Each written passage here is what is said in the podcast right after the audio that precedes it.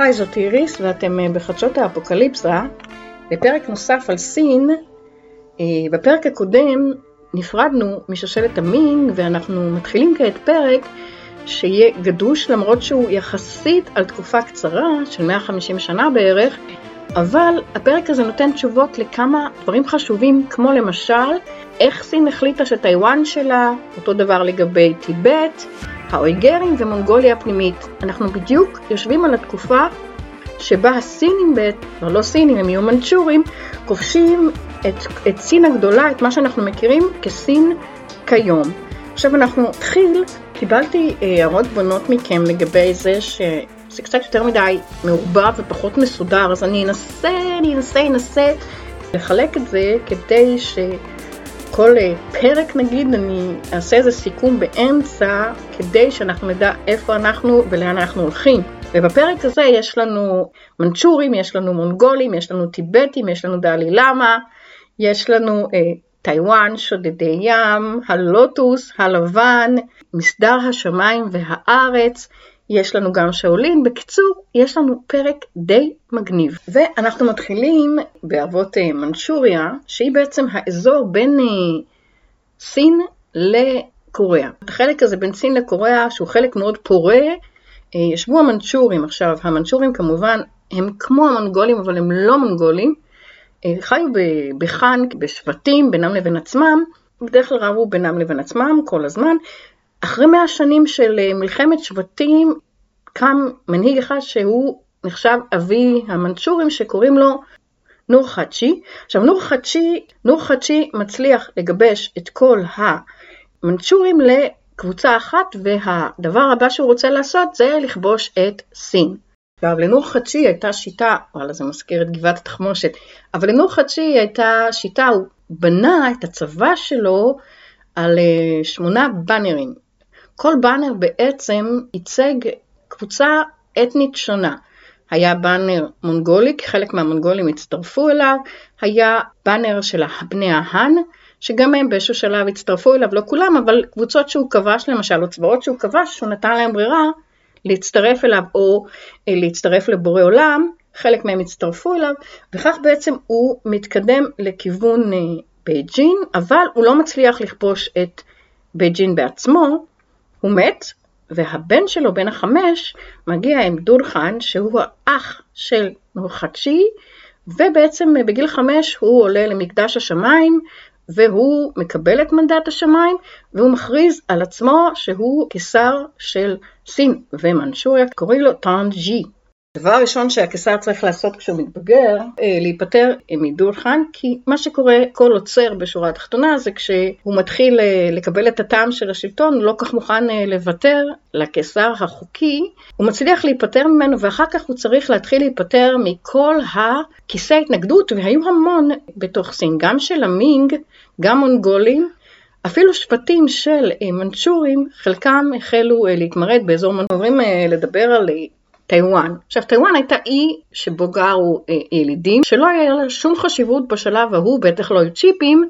כשהם התחילו להילחם במורדים של המינג, הם בעצם התחילו לגלות את העניין, את החשיבות שיש לטיוואן. כי מה שקרה, ועכשיו אני טיפה לוקחת אחורה, טיוואן הייתה אי שגרו בו לעיתים שודדי ים. עכשיו, היה שודד ים אחד מאוד מפורסם, מאוד עשיר, שהתחתן עם מישהי יפנית ופיתח את הצי שלו ככה שהוא השתלט על טיוואן, האזורים שקרובים לים כמובן, כדי שיהיה לו איפה להחנות את ה-500 אה, ספינות שהיו לו, את אשתו והילדים, ובשלב הבא הוא אה, מתחיל לעבוד עם המינג, מתחיל לעבוד ומספק להם בעיקר שירותי תרגום וכנראה גם דברים אחרים, והוא הופך להיות אזרח מכובד. עכשיו הבן שלו כבר עובר את בחינות הכניסה לקיסרות, ובעצם הבן שלו הופך להיות נציג או בירוקרט של שושלת המינג, שאין לו שום קשר לעבר, גם בטיוואן וגם בסין, משום מה, ברשומות ההיסטוריות לא מזכירים את זה ש...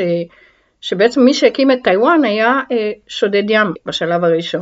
שודד הים אה, קוצ'ינגה מת, הבן שלו עובר ליבשה, עובר לתוך uh, סין, ויש לו משפחה גדולה, והמון כסף, והמון עובדים, הוא בעצם הופך להיות uh, נציג של המינג, וגם לויאליסט של המינג, וכשהמנצ'ורים משתלטים, הוא נלחם בהם בהתחלה מתוך uh, סין, ואז המנצ'ורים דוחקים אותם והוא עולה על אוניות יחד עם כל העובדים שלו, עם כל הנאמנים שלו, עם כל החיילים, ועובר בעצם לטיוואן. עכשיו, אם נשים לב, זה משהו שקרה בטיוואן שוב ב-49, כשכל הנציגים של הקום עברו, אה, ברגע שהקומוניסטים השתלטו על כל סין, ברחו והקימו בטיוואן את מה שהם קראו סין השנייה, וגם המינג הזאנג והמינג הקימו בטיוואן את אה, סין השנייה. רק ב-68 הקיסר המנצ'ורי זה כבר הבן שלו, קאנצ'י, מצליח להשתלט על טיוואן. טיוואן הופכת באופן רשמי לסין, אבל עדיין אין להם שום כוונה לשלוט פיזית בשטח, הם בעצם שולחים אה, נציגות קטנה ונותנים למשפחה, למשפחת זאנג, לבן, לנכד כבר, אה, להשתלט על האזור ובעצם לנהל את אה, טיוואן עבורם. שונג'י מת יחסית מוקדם בגיל 20 ומשהו, וגם אה, קאנצ'י מקבל את מנדט השמיים בגיל 7, וגם לו לא יש עוצרים, וגם הוא צריך להיפטר מהם בשלב מאוחר יותר, אבל כאן אנחנו נכנסים לתקופה הטובה ביותר והארוכה ביותר, עם הקיסר הטוב ביותר, שלטו בסין, בוא נגיד, אה, באלף השנים האחרונות, וזה היה קאנצ'י, ועכשיו אני אסביר לעומק למה קאנצ'י היה קיסר טוב. קנצ'י צריך לקבל את המרידות של המינג, ולא רק, מאבא שלו, אבל הוא עושה כמה דברים שהם מאוד משמעותיים. כשהיו המנצ'ורים לסין, הם בעצם מנשרו את סין. קודם כל, כל הסיפור הזה של הקרחת עם הצמא מאחורה זה לגמרי מנצ'ורי, והם כפו גם את הלבוש, וגם את הסגנון, וגם את הקרחת המטומטמת הזאת על כל סין. הם גם לקחו שטחים שקרובים לבייג'ין, חקלאות, שהיו בידי אה, איכרים די עשירים סינים ונתנו אותם לגנרלים המנשורים שהגיעו איתם. זה משהו שעורר אה, די הרבה כעס מצד הבני ההאן, אבל הוא מחליט לעשות כמה דברים. קודם כל, מנהלים או מפקדים של האן, בני ההאן, הם אלה שינהלו את ההאן. זה נקרא אי-האן, ג'ו-האן. זאת אומרת, הם אלה שמנהלים את השטח עבור המנצ'ורים, כדי שלא יהיה חיכוך בין המנצ'ורים לאוכלוסיית האן. שיקט נאלץ להתמודד עם אחת הבעיות שתלווה בעצם את המנצ'ורים 100 שנה בערך, זה המונגולים. קודם כל, בתוך המונגולים, מאז ג'ינג'יס חאן לא היה יום אחד של שקט. בשלב הזה יש אה, שלושה שבטים שבעצם מנהלים אה, מלחמה אחד נגד השני, וחלקם הזונגה, החלחה והקושאן. כדי שהוא יצליח לשלוט או למצוא איזושהי דרך להתמודד עם המונגולים, בעצם כבר אבא שלו יוצר קשר עם הדלי למה. עכשיו הדלי למה הוא הדמות החשובה ביותר, לא רק לטיבטים, אלא ובעיקר למונגולים. כי הסיפור הולך ככה, המונגולים טוענים, הדלאי לאמה הראשון היה בקשרים עם ג'ינג'יס חאן, וג'ינג'יס חאן אימץ אותו והוא את ג'ינג'יס חאן, זאת אומרת שהדלאי לאמה היה המדריך הדתי של ג'ינג'יס חאן, מה שלא נכון האמת, אבל מבחינתם, בגלל שהדלאי לאמה הוא reincarnation, הוא בעצם התגלגלות של הנפש, נשמה של דלי למה הראשון, אז כל דלי למה בעצם הוא יכול לתת את הגושפנקה החוקית לכל שבט ולכל מנהיג של כל שבט. דלי למה החמישי נתן את הגושפנקה הזאת לצונגה, והצונגה שלטו בדרך לא דרך בטיבט, הם גם היו אלה שהתנגדו לשושלת צ'ינג ונלחמו בה כל הזמן. המנצ'ורים ביקשו שהדלי למה כנציג של הטיבטים יהיה השליט הרשמי ויהיה טריביוט של סין, כי ברגע שהם מחזיקים את הדלי למה כטריביוט, זה אומר שכל מי שמאמין בדלי למה אמור, אמור, להיות גם אה, בקשר או לקבל את המנצ'ורים, הם בעצם הגורמים ש... הדלי למה בוחר בהם, מה שלא היה נכון, נכנסים לאיזשהו מאבק ביניהם החלחה והצונגה. הצונגה יורדים מטיבט לכיוון אה, מונגוליה, ומי שכובש את טיבט זה שבט אחר, היי, הקושאנים, הם כובשים את אה, טיבט ואת הדלי למה בתוכם. עכשיו כל המערך הזה של צ'ינג שמאמינים בדלי למה, ושאולי היה נכון, אבל בשאלים בדרך כלל היו ביחסים אה, טובים עם קיסר צ'ינג עם קאנצ'י, אבל באיזשהו שלב הם כנראה היו ביחסים ממש טובים, שהם החליטו פשוט אה, לכבוש אזור שהוא אזור סיני שנקרא דרך התה והסוסים או דרך הסוסים והתה. עכשיו אני פותחת סוגריים, נדבר קצת על החשיבות של טיבט. לא הייתה לה את החשיבות שיש לה היום, כי מבחינה אסטרטגית, צבאית, או כל הדברים שהסינים רואים בטיבט היום, כמו למשל העובדה שטיבט היא במקור המים, דרכו עוברים כל נתיבי המים של כל אסיה. רבע מאוכלוסיית העולם מקבלת מים דרך מה שיורד מההרים מהימלאיה, דרך טיבט, דרך הנהרות שעוברים בטיבט. היום למשל, נשיא סין יכול להחליט שהוא חותך את המים להודו, לבנגלדש, עד, עד בורמה, גם המקום יוצא מטיבט, לכן חשיבות של טיבט היום היא הרבה יותר גדולה, כי אז אף אחד לא חשב לעצור מים לאף אחד, ואף אחד לא חשב חשיבות של טיבט כנקודה אסטרטגית צבאית, כי הודו לא הייתה אז הודו, הודו הייתה אז כל מיני אה, נסיכויות אה, קטנות לא משמעותיות. וגם להעביר צבא או להעלות צבא בכל פעם לטיבט זה היה סיפור, זה לא היה דבר שקל לעשות, והשליטים הסינים העדיפו להימנע ממנו. קושאנים כובשים את דרך התה והסוסים, הסינים נאלצים להגיב והם עולים למערכה קצרה, משחררים את האזורים האלה ושוב מקבלים הבטחה שהכל יהיה בסדר מצד הקושאנים. מה שעוד הסינים מגלים במערכה הזאת שהדלי למה החמישי מת, ובמשך 15 שנים הקושאנים מסתירים את זה שהדלי למה מת מכל העולם. הסיבה שהם מסתירים שוב פוליטית, כי מבחינתם הדלי למה הכיר בשלטון של הקושאנים על טיבט. הדלי למה השישי היה כישלון.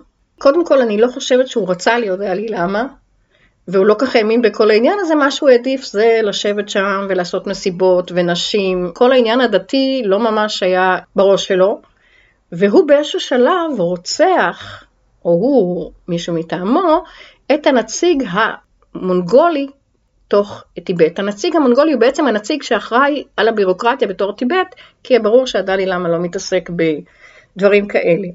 התגובה של הקושאנים היא לכתר את המנזר שהוא נמצא בו ולנסות לתפוס אותו. הם אה, לא מצליחים, הם פונים לסינים והסינים, קאנצ'י אומר חבר'ה טוב תשלחו לי את התכשיט הזה, אני אטפל בו. בטח שהדאי למה השישי לא רצה להגיע לתוך סין, להגיע לגאנצ'י, לכן הוא מצליח לברוח, תופסים אותו, הקושונים מעלים אותו על מרכבה ושולחים אותו, ואז באופן מסתורי הוא מת אה, בדרך מבעיות בקיבה, אורעל.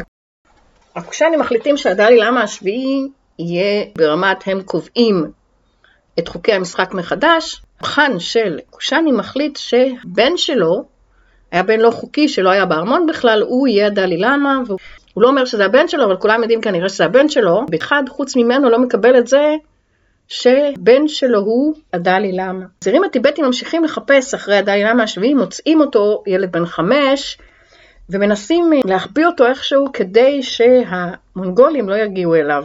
הטיבטים מעדכנים את קאנשי בדלי למה, אחר דלי למה חדש, שביעי, והוא שולח חיילים שיגנו עליו בזמן שהוא נמצא, הדלי למה הצעיר, במזער מחוץ לטיבט. זה לא שהוא מיד החליף ביניהם, הוא בהחלט התייחס לדלי למה השביעי כאיזשהו אה, קלף ביטחון במקרה ויצטרכו אה, להחליף שם או את השבט או את הדלי למה או שיהיו שוב בעיות איתם, יש לו אה, דלי למה שהוא משלו. זוכרים את הצונגה שהיו בהתחלה שליטים של טיבט, הם מגלים שיש דלאי לאמה חדש והם רוצים לתפוס אותו, להעלות אותו ל...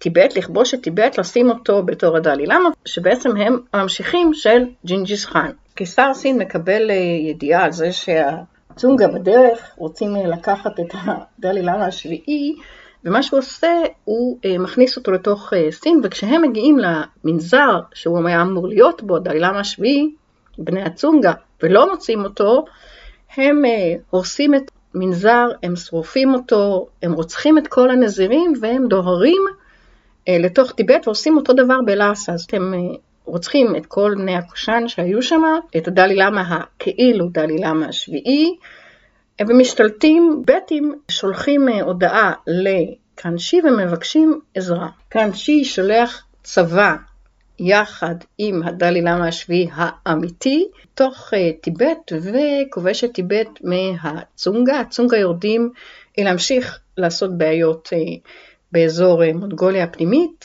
ובעצם הוא מכניס לתוך לאסה את הדלי למה השביעי, נשאר שם במשך אה, שלוש שנים, לא הוא כמובן, הצבא שלו, ובשלב הם פשוט עוזבים. לצ'ינג לא היו מספיק חיילים כדי להשאיר אותם באופן קבוע בתוך uh, טיבט, לא היה להם עניין בשלב הזה לשלוט בטיבט, הם פשוט גומרים את העניינים שלהם, רואים שיש שקט כרגע, ויורדים. 1927 מתחיל שוב מרד בטיבט על ידי הטיבטים והקושאנים שחזרו לשם בהשתתפות הדלי למה. קיסר שבא אחרי קנצ'י, כובש את טיבט, מסתיר את הדלי למה במשך שבע שנים, הוא מוציא אותו מתוך אה, לאסה, נותן לו אישור לחזור אחרי שבע שנים רק, סינים באופן רשמי כובשים את טיבט, נשאר שם גריסון של 1,500 חיילים בערך, והם בעצם יישארו שם עד 1910 כשהאנגלים יגיעו. אנחנו כאן חותמים את הפרק על טיבט. היה את הצונגה ואחר כך את הקושאנים, ושוב את הצונגה עד שבעצם הצ'ינג השתלטו על טיבט ב-1727, אה, עוצרים וסוגרים את החלק של אה, טיבט עד 1910. קאנצ'י בניגוד לבני המינג או לשושלת המינג החליט אה, לפתוח לאירופאים נמלים נוספים כדי שהם יוכלו לסחור עם סין ויחד עם זה שהוא פתח את הנמלים הנוספים הגיעו כמובן עוד נוצרים. מי שהגיע היו הפרנצ'יסקנים והדומיניקנים. עכשיו ישועים תמיד היו בסין מתקופת המינג והישועים היו מאוד קרובים לקיסרים המנצ'ורים. הישועים בגלל שהם כל כך הרבה שנים היו באזור הבינו שאין שום דרך להילחם או להיכנס ראש בראש בסינים, אלא הם הביאו המון חוכמה יחד איתם באסטרונומיה למשל, שמאוד מצאו חן בעיני הקיסר, והם ישבו בתוך הארמון, בתוך הקיסרות. אבל אלה שהגיעו, הפרנצ'יסקנים והדומיניקנים, מה שהם עשו, הם החליטו שמי שרוצה להיות נוצרי, והם החליטו לנצר את האוכלוסייה תוך כדי זה שהם קובעים שקונפוציזם זאת כפירה. הקיסר כמובן רותח על זה, והוא שולח גרת לקלמנס השישי ומתלונן כאן על הנוצרים. האפיפיור שולח איזשהו נציג שלו לדבר עם הקיסר. הנציג מגיע לקיסרות, אה, מתקבל שם אה, בחיבה, והם דנים בנושא, והסיכום שלהם שהנוצרים אה, לא יטענו שקונפוציזם זה כפירה. כמובן שהנציג הזה, ברגע שהוא יוצא מהקיסר, הוא מודיע באיגרת נזירים שנמצאים בתוך סין, שאכן קונפוציזם זה כפירה למרות ההסכם שלו, והאפיפיור מוציא איגרת שבה הוא טוען שקונפוציזם זאת כפירה, זה בולה, זה משהו רשמי. קאנצ'י מחליט להעיף את כל הנוצרים מסין, חוץ מהישועים, אסר על הקמת נסיעות, אסר על הקמת מנזרים, ואסר בעצם על הקיום של הנצרות בתוך סין, והאיסור הזה יישאר עד המאה ה-19. קאנצ'י מת ב-1722, והוא השאיר אחריו קופה מלאה, מדינה מסודרת ואזרחים מרוצים. אחרי שקאנג'י נפטר אה, בסביבה טובה, אחרי שהוא מלך 60 אה, שנה, עולה לשלטון הבן שלו, שנשאר בשלטון 13 שנים, בעיקר בגלל שהוא רצה לחיות חיי נצח, וכמו קיסר הראשון של סין, הוא כנראה בלע כל מיני דברים שקיצרו לו באופן אה, משמעותי את החיים, ומי שמקבל את הקיסרות זה הקיסר צ'ינג לונג, שהוא הקיסר הסיני שחי הכי הרבה שנים, הוא הגיע עד גיל 87. לצ'ינג לונג, הקיסר המנצ'ורי, קוראים בעצם קיסר עשר המערכות. כדי להגדיל את השטח סיני-מנצ'ורי, חלקן היו מוצלחות וחלקן לא. שתי מערכות גדולות עמדו בפניו, אחת מבית, היו יותר מאגודה סודית אחת, היו בערך ארבעה, שניסו כל הזמן למרוד כדי להחזיר את בני ההאן לשלטון. כבר לא דיברו על המינג, זה כבר לא היה לויאליסטים של המינג, אלא היו אגודות כמו אגודת הלוטוס הלבן, אגודת שמיים וארץ, שניסו לפגוע במרקם החיים כדי להחזיר את בני העם לשלטון, וכאן הוא עושה משהו שהוא אה, דרמטי. קודם כל הוא מכריז, סין הגדולה היא לא סין של בני ההאן. העניין הזה שבני ההאן אמורים להיות אה, השולטים בסין, נגמרה. סין הגדולה היא סין שיש בה קבוצות אתניות שונות, ומה שמגדיר אותה זה השטח. בוא נגיד שזאת הייתה התמונה הראשונה הלאומית של סין כמדינה. הבעיה השנייה שהייתה לו הייתה הצונגה. זוכרים את שבט הצונגה שירד מטיבט ובעצם כרגע הוא שולט על האזור המונגולי, מה שנקרא מונגוליה הפנימית, והוא שולט גם על מה שאנחנו מכירים היום כשיניאנג, האזור של האויגרים.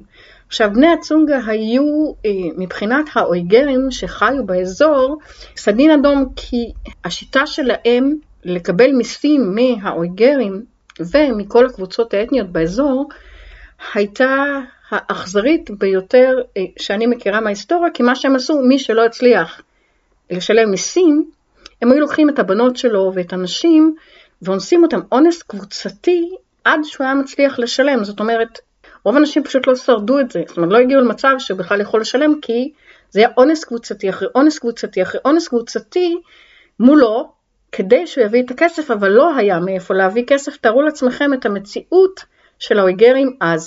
הצונגה לא הסתפקו בלכבוש את האויגרים שחיו שם, הם התחילו להוציא כוחות לכיוון אה, סין.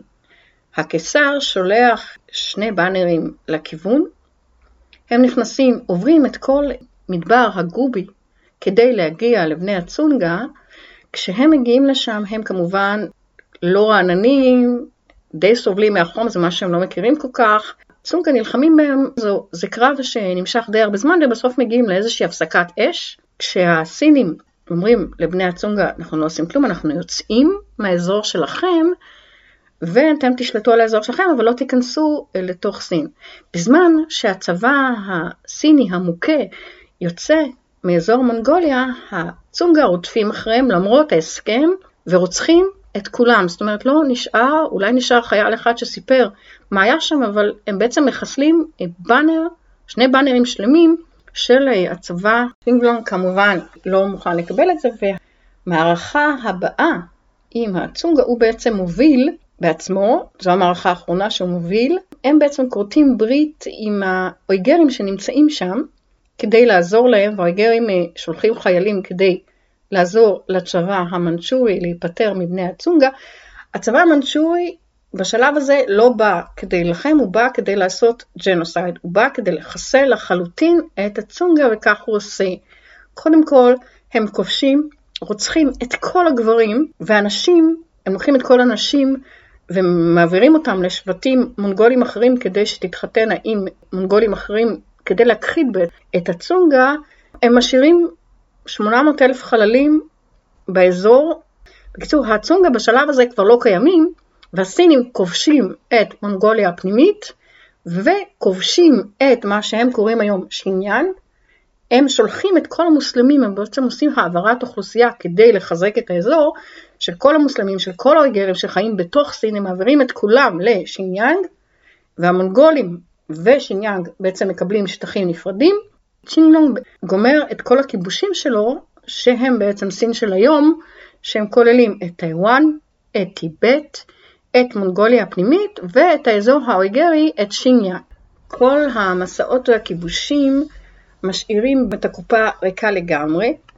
הוא כבר אה, די מבוגר, הוא די סנילי ומתחילה שחיתות אה, אפית בכל האזורים שבהם, אה, ובעיקר האדם הקרוב אליו ביותר, היועץ שהוא אהב במיוחד, מועל ברמה שאחרי שתפסו אותו, אחרי שהקיסר מת, מוצאים אצלו בבית רכוש וכסף וזהב ברמה של 50 שנה של גביית מיסים של האוצר הסיני. עד כדי כך השחיתות הייתה מפוארת. כשהוא עוזב, עולה הבן שלו, והבן שלו באמת מנסה להילחם בשחיתות, והוא מחליט שכדי שהאוצר יתחדש, הוא קודם כל מעיף את כל הפקידות המושחתת, שם אה, פקידות חדשה שנאמנה לו ולא מושחתת, והוא מחליט שהוא מקצר, הוא מקצץ את כל הזכויות של כל הנסיכים, של כל המרשלים, של כל האנשים שעובדים בשירות המדינה כדי שהם יוכלו להכניס יותר כסף לקופה, כי הקופה הייתה ריקה. הצעדים שלו הם עד כדי כך לא פופולריים בתוך המחנה שלו המנצ'ורי, שכולם מתחילים לדבר על להחליף קיסר, הוא בעצם מאבד את הכוח שלו ואת היכולת שלו בתוך החצר, ואחרי כמה זמן הוא נכנע והוא מוותר להם, מאשר או מאפשר שחיתות, כי הוא לא מצליח להשתלט עליה. וכאן מתחילה, זאת הנקודה שהקיסרות המנצ'ורית הסינית מתחילה להידרדר עד סופה המר, ואת סופה המר אנחנו נגלה בפרק הבא. מה שאנחנו עכשיו, בפרק הזה, עסקנו בו בעיקר במנצ'וריזציה של סין, ובשטחים הגדולים או בקליים של סין או בכיבוש הסיני, שהוא הדרישה היום הסינית שאנחנו מכירים של שליטה בכל האזורים שהם קוראים להם אזורי ספר, שמבחינתם הם דרמטיים לכוח ולחוסן של המדינה, וזה כמובן טיוואן, זה כמובן טיבט, וזה כמובן האזורים המנגולים ושינג'אן, האזור האויגרי. ואנחנו נעצור כאן, ובפרק הבא אנחנו כבר מגיעים למלחמות האופיום ולמרד הבוקסרים ולמאה שנות השפלה שהיו השפלה אמיתית של סין. אז שיהיה לכם ערב טוב עד האפוקליפסה הבאה. ביי.